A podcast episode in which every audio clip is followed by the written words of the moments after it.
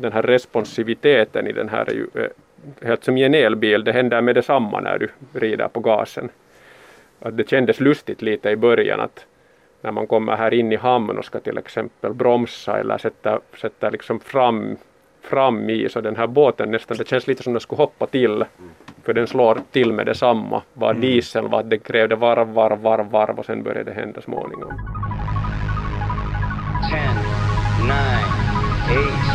Ignition sequence start. 5, 4, 3, 2, 1, 0. Quantum leap. Saut quantique. Salto quântico, salto quântico, salto quântico. Quantum Salto quantico, salto quantico, salto quantico. Kvantum, det du inte visste att du ville veta. Med sitt midnattsblåa skrov som den tätnande augustinatten eh, är det inte svårt att förstå varför hon heter Night Train.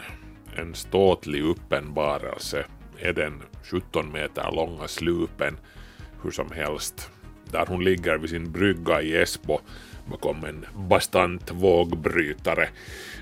Definitivt i största änden av vad som är praktiskt om man vill rymmas att segla i den finländska skärgården med sina smala farleder och grunda gästhamnar.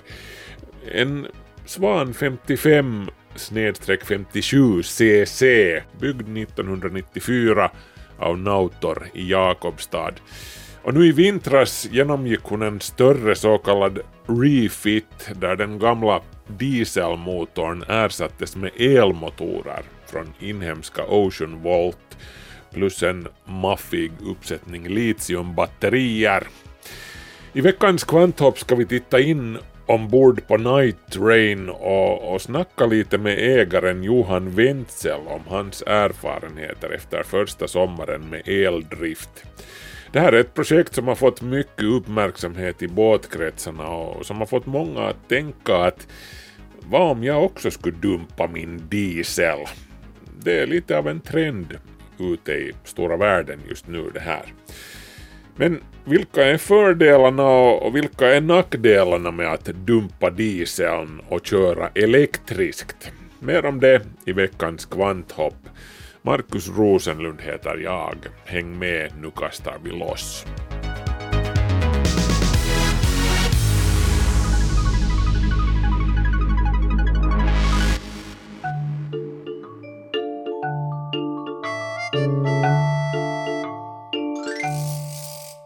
Det är lustigt det här hur, hur innebörden hos olika sinnesintryck förändras när man blir äldre. Under mina tonårssomrar i skärgården var till exempel ljudet av en vrålande utombordsmotor någonting häftigt och spännande. Det, det representerar liksom frihet. Att kunna åka vart man vill när man vill. Och den blåa röken från tvåtaktsoljan den luktade också äventyr och, och fart, tyckte jag då.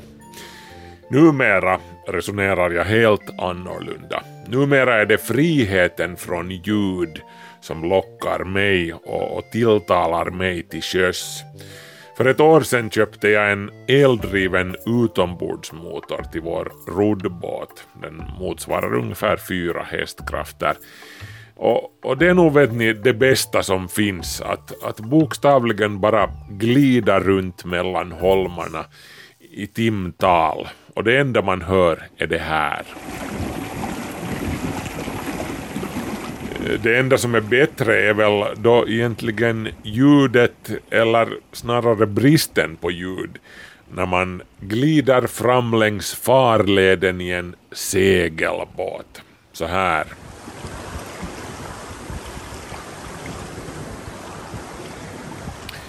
Men har man en lite större segelbåt då, då har ljudet av en dieselmotor hittills varit lite svårt att undgå, åtminstone stundvis.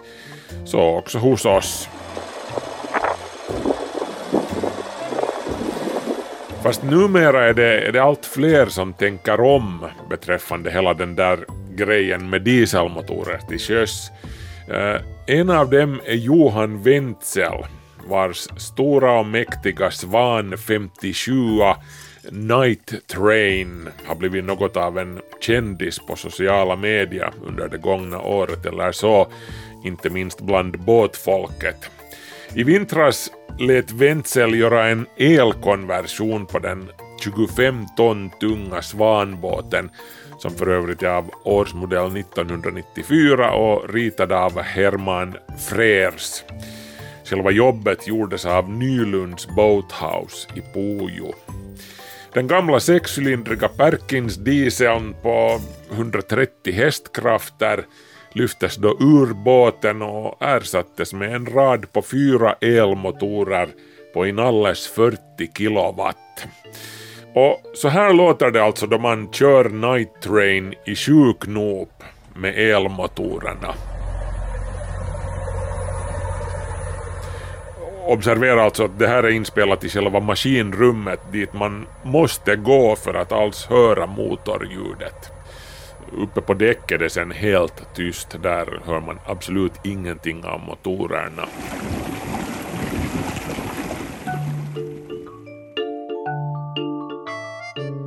Att ta steget till eldrift till sjöss kändes helt naturligt för Johan Wentzel som redan en längre tid har rört sig med elektricitetens kraft också på torra land. Jag, jag har kört med eldrift fem år och hela vår familj har förflyttat sig bara med el på landsvägen i fyra år. Så att den här liksom eldriften var liksom bekant och det är något som har intresserat mycket och som jag har jag sen av intresse satt in mig i. Fast sakta i backarna nu. Night Train må vara tyst som en viskning då hon rör sig, men när hon ligger för ankar på redden, då kan man tidvis höra ljudet av en dieselgenerator. I och för sig en väldigt väl ljudisolerad sådan, men där är den. Den samsas om utrymmet med elmotorerna i maskinrummet. Jo, det här är ju lite en, en, en fusk, fusk på det sättet att, att man borde väl kalla den här en hybrid. Så Ja, vi har en elmotor och vi har en stor batteribank men vi har också en väldigt stor generator. Ja.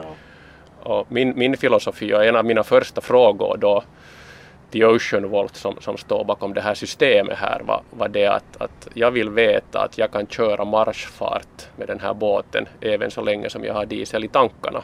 Så vi har alltså dieseltankar ännu kvar.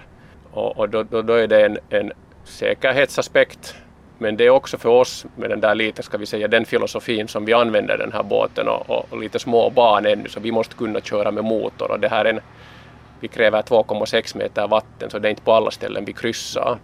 Mm. Så den där dieselgeneratorn som är då en modern DC-generator, vilket betyder att den här generatorn skuffar ut 48 volt och inte 230 volt via en akkuladdare. Ja. Så den ger 48 volt rakt i vår 48 volts akkubank som snurrar på vår 48 volts motor till en kapacitet på 22 kilowatt. Så den, den ger ut lika mycket kapacitet, i själva verket lite mera än vad vi behöver för att köra marschfart. Så vår räckvidd på den här båten med det där upplägget om vi har tankarna fulla ungefär 1300 sjömil. Okej, okay, så, så ni behöver inte fundera sådär jättemycket nej, på nej, nej. ja. Men då, då är liksom aspekten också att e, en av de här, vi kommer kanske tillbaka till det ännu, men en av de här aspekterna var det att vi hade en, en sexcylindrig Perkins i ja. den här båten och fast vi har ett har, har liksom på ett sätt ett riktigt motorrum som är väldigt ljudisolerat så, så ljudnivån i den här båten var väldigt hög ja. när man körde med den där motorn. Ja. Nu, när vi, nu när vi kör med vår elmotor och fast vi har vår generator på som är då inne i ett, ännu ett, ett eget ljudhölje och inne i motorrummet så man hör den inte här i salongen. Man måste mm. nästan gå och öppna dörren till motorrummet för att liksom titta att var generatorn på eller inte. Ja. Ja, när jag har en fyracylindrig Perkins i min båt så jag vet vad du menar, ja, de för ju lite oväsen.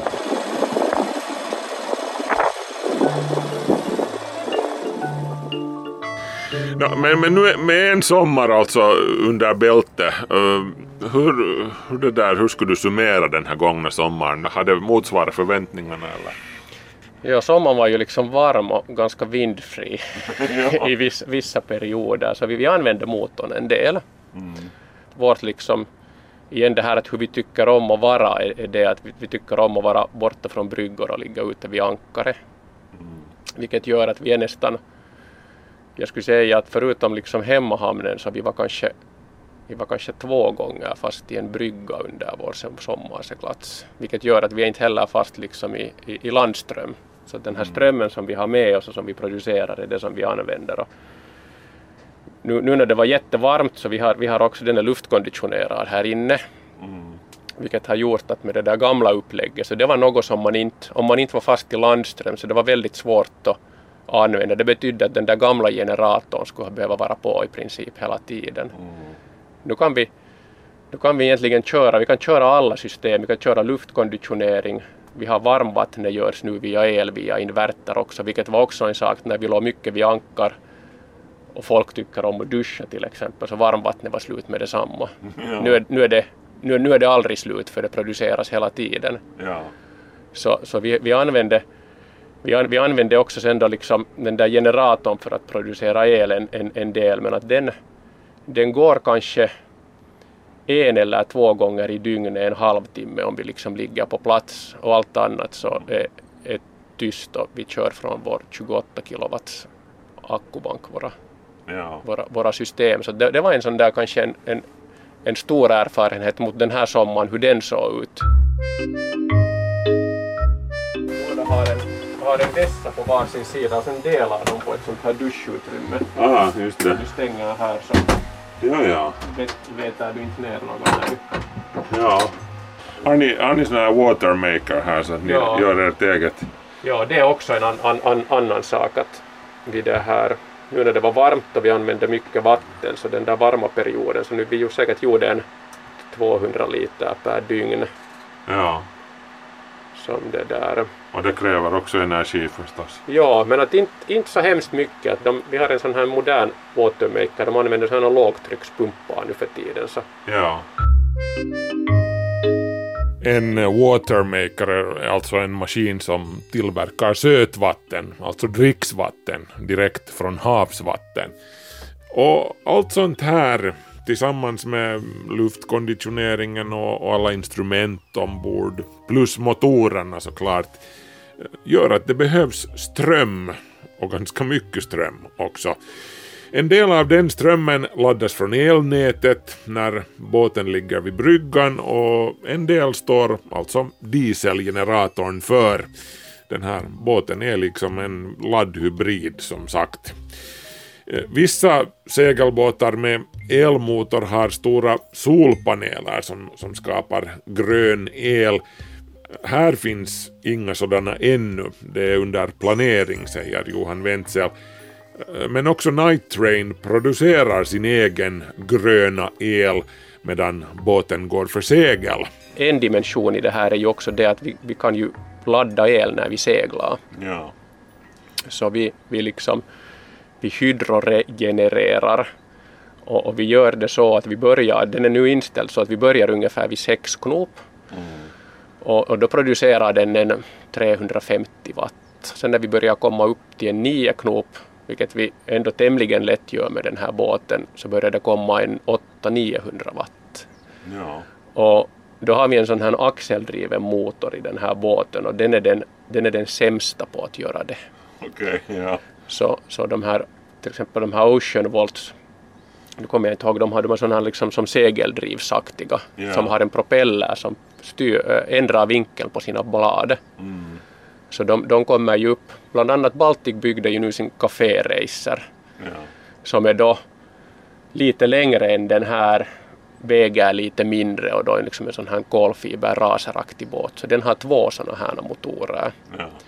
Och när de seglar med, med sådana här som de också använder i katamaraner när du börjar komma upp till en 12-13 knop så de börjar ju trycka en 8 kilowatt per motor. Ja. Så att den här kaféracen till exempel har ingen generator, den har en liten bränslecell för att liksom stödja det hela men att med detsamma när du sätter seglen upp så det tar inte så länge att du har hela akkubanken full igen en bränslecell som Wenzel alltså nämnde där är en generator som skapar el med hjälp av en kemisk reaktion mellan vete och syre. Eh, sådana driver redan nu elbilar och, de kommer säkert också att finnas i hemmen i framtiden. Men no, jo, eh, när man handskas med stora mängder el som man gör ombord på Night Train behöver man ju lagra den någonstans också. Nu lyfter vi alltså, eller Johan lyfter bort trappan som öppnar motorrummet för närmare inspektion. Här är hela batteribanken, det är alltså litiumjonbatterier eller hur? Litiumfosfat, ja. Det är ju också en sån här som man, om man talar med människor och säger att jag sätter litiumbatterier i min båt så säger de att herregud att du kommer ju att brinna upp. Ja, okej. Okay. Och det är ju en stor liksom skillnad på olika sorts litiumbatterier och de, de liksom kemikaliska komposition. Ja de här Lifepoe är batterier som är liksom de mest säkra. De här Valans batterier är ännu sånt som är liksom, de är offshore-certifierade. Okay. Så den här själva stommen är väldigt stark. Det finns video om var man ser att de skjuter igenom de här och det händer ingenting åt mm. dem. Uh, det som, de, här, de, här, de här ska aldrig brinna med en stark låga. Om, om det skulle mot förmodan av någon underlig anledning bli en brand så det är mer att det blir en, en stark rökutveckling som, som är giftig. Här är ju liksom, här är ju två lager batterier här. Just det. Att här är lika många under. Sen är där två. Sen har jag två ännu här mm. i ett utrymme var den här bogpropellens hydraulikenhet bodde. Så här är 16, 16 liksom enskilda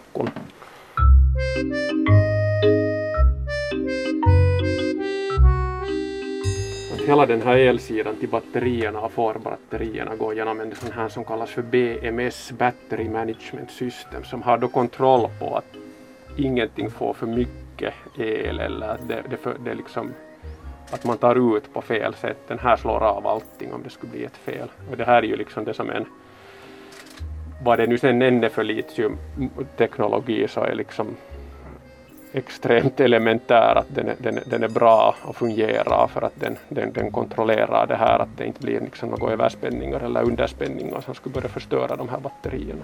Ja. Hur mycket kapacitet är det i de här?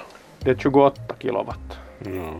Och det här är ju liksom teknik som, som inte i princip skulle ha varit möjlig för då när den här båten ja. byggdes för, för den här akkuteknologin existerar helt ja, enkelt. Nej inte fanns det ju liksom elmotorer så här att köpa. No, nej, det, det, fanns det nog inte riktigt.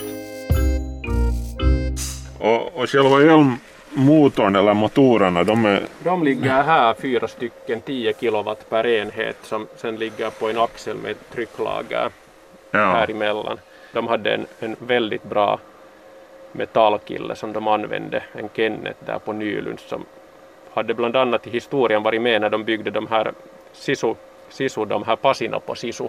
Han hade en sån där väldigt noggrant och pedant och bra att göra. Sen hans filosofi var också liksom rätt att han, när han var ändå höll ganska mycket i pennan att hur de här, till exempel det här trycklagets fastsättning är gjort. Så allt är nu gjort så att om något skulle behöva bytas så du får allt loss med, med skiftnyckel. Okej. Okay. Att, att, att, det är liksom ingen, ingenting sånt som har en rörlig del så är fastsvetsat eller något. Allt, allt går att ta loss. No, det är väl lite Nautors filosofi, det har väl varit hela tiden att, att allt ska gå i princip att re reparera till sjöss vid behov. Ja, och du kommer åt allt. Ja. Att, att det, det också att, att, att, som man såg kanske i det här projektet också, att allt, allt går att öppna och allt går att få loss. När det gäller elmotorer, om de sen sitter i en båt eller en bil, så ska man minnas att elmotorns egenskaper skiljer sig väldigt markant från förbränningsmotorns dito. Eh, elmotorer kan som sagt producera sin egen kraft. I en handvändning förvandlas de från motorer till generatorer. Eh, därav alltså hydroregenereringen som Johan Wenzel talade om, som Night Train har. Och, och, så behöver de ingen växellåda heller, tack vare det väldiga vridmomentet. De ger alltså mer eller mindre full kraft direkt till skillnad från en förbränningsmotor som du måste varva upp för att den ska leverera sin kraft på allvar. Därför är det inte så stor poäng med att tala om hästkrafter i samband med icke-planande eldrivna båtar som Night Train. Man, man, kan väl hålla som en sån där tumregel att i båtar att när du kör under 10 knop så då är vridmoment det som är, det viktigaste. När du börjar gå över och vill börja plana så då kommer vi tillbaka till att hästkrafter är ganska viktiga. Ja. Och när du talar i en sån här segelbåt och de här farterna så du kan nästan räkna att en kilowatt i en elmotor motsvarar tre gånger det som du har i en dieselmotor. Det är sådana liksom tumregler. Ja.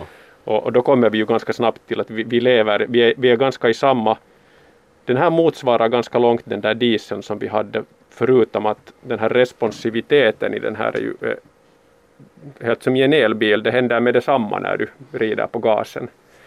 Att det kändes lustigt lite i början att när man kommer här in i hamn och ska till exempel bromsa eller sätta, sätta liksom fram, fram i så den här båten nästan, det känns lite som den skulle hoppa till mm för den slår till med detsamma. Vad mm. diesel var, det krävde varv, varv, varv, varv och sen började det hända småningom. Mm.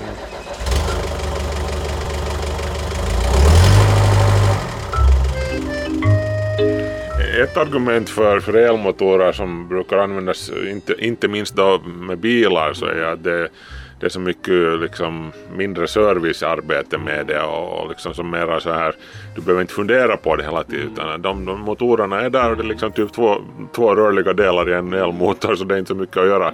Hur har det varit i praktiken för er? No, nu, nu är ju allt ännu ganska nytt. Elmotorn är ju i princip servicefri. Ja, där, där är några smörjnipplar som ska ha lite, lite fett emellanåt. Liksom, inte ens varje år i princip. Sen däremot så vår generator är en förbränningsmotor och, mm. och, och kräver sin årliga service och har krävt redan, en sån där första inkörningsservice som, som gjordes här på början av juli att göra en sån här konversion så det, det kan ju knappast handla om att spara pengar. Okej, du, jag menar du sparar in en viss mängd diesel som du skulle köra med men, men, men nu är det väl, jag kan tänka mig att det är mera ändå en det handlar mer om en filosofi, om en princip än, än, än ett försök att liksom spara några slantar på, på tankningsstället. Ja, nej, det ska man inte räkna med. Och sen skulle jag säga liksom i första hand användbarheten av den här ja. båten, att så som vi använder den så den, den, har, den har för oss ökat hiskeligt i värde i och med att det här att vi kan, det är helt, det är helt sak samma var vi ligger, så allt, allt, allt går att använda och det, det är liksom du, du behöver inte fundera på det. det. Det var det som vi var det var det som vi var först och främst ute efter. Mm. Sen, och sen, sen kommer den här, den här an, andra sidan som för, förhoppningsvis också liksom fungerar som inspiration framöver åt andra, att du ser att det går att göra. Vet du om att, att någon skulle ha att, att ditt exempel ska inspirera någon annan att göra en liknande operation? Ja, jag, jag har faktiskt talat med massor med människor, okay. lite härifrån och därifrån i, på, på den, här, den här jorden kring det här temat. Jag, jag tycker att eh, jag vet inte om det här har inspirerat men det här är ju klart det, det är lätt i och med att jag har varit helt så här öppen med det här på vårt projekt så det har varit lätt, lätt säkert att liksom närma sig och tala. Men att det, det verkar att eh, mera och mera och jag skulle säga att eh, det har varit också mycket sådana som funderar på att beställa en ny båt ja. och har sagt att de, de aldrig vill ha en dieselmotor. Mm. Och jag, jag har svårt också själv mot de här våra erfarenheter att om man beställer en sån här storleksklassbåt, att varför skulle du vilja ha en diesel i den? Ja, precis. Så att de här, de här nyttorna med den här med det här upplägget så som jag upplever dem är så liksom tydliga.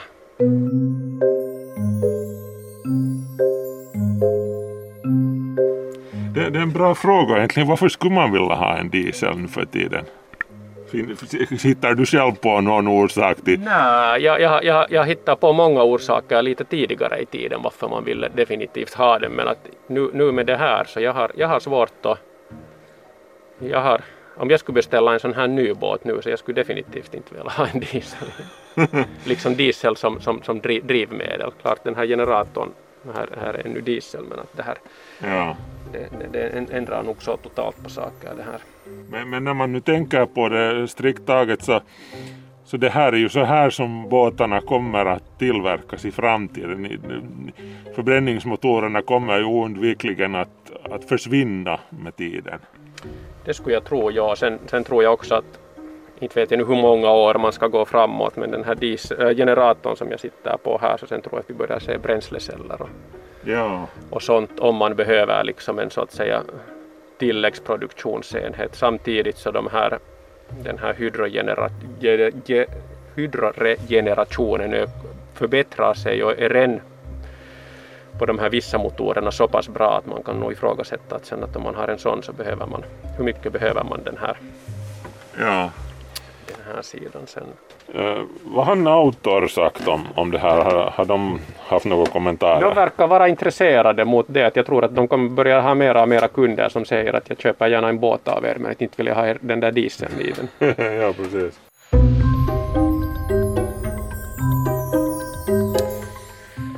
När det gäller priset som man får betala för att låta ett båtvarv, i det här fallet alltså Nylunds Boathouse i Pujo, utföra en elkonvertering på en 57 fots svanbåt nöjer sig Johan Wenzel med att konstatera att, att jo nej, billigt blev det ju inte.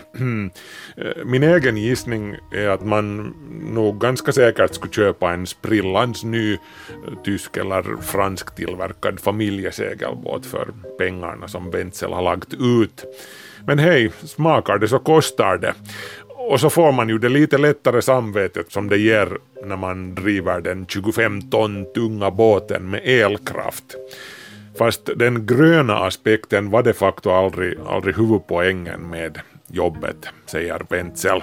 Inte har ju mitt det här båtprojektet nu någon slags betydelse liksom i sig, liksom det som den påverkar så här direkt till någonting men att som jag sa så kanske, kanske det här är en del av den där liksom evolutionen och ett, ett steg där som, som för sen saker framåt. Att, att, mm. Man måste föregå med, med exempel liksom. Ja, fast det har inte varit huvudsyfte med det här, det här projektet men att förhoppningsvis så kanske den har en sån där överspillo spillo där sen också. Att nu är det ett, jag tycker att det, en, det, det har nog ett värde, värde för mig. Användningsvärde av den här båten har, har, har ökat liksom mm. massivt åt oss. Det är kanske så som jag tänker på det. Sen, sen, sen hoppas jag också att jag har inga planer att sälja den här båten men att om jag mitt i att skulle få en tanke att jag skulle sälja den här så jag skulle jag skulle anta att jag skulle hitta också en, en köpare som skulle uh, uppskatta det här som har gjorts hit. Ja, andrahandsvärde måste ju växa helt otroligt. Jag hoppas. sen, sen tror jag att det finns, klart, det finns säkert klart också en, en, en grupp av som, som tycker att aldrig i världen, mm. helt som med en elbil till exempel. Men att det här. Uh, vad är ditt favoritljud till sjöss? Det var en bra, bra fråga. Det, jag tycker om vågor som slår mot klippor och sånt här, liksom våg, vågljudet. Nu är det, nu är det, nu, nu är det kanske något, något Bru, sånt. Bruset från vågsvallet och... Ja, något sånt här, ja. ja. Och, och nu kan du njuta av det desto mera sen. sen ja, när också, du... också när man kör med motor i princip.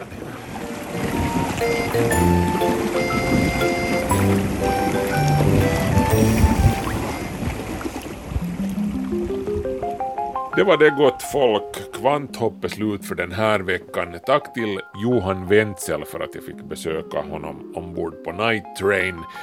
Ett nytt avsnitt av Kvanthopp som vanligt igen nästa lördag på Yle Arenan. Kom ihåg också att titta in på vår Facebook-sida.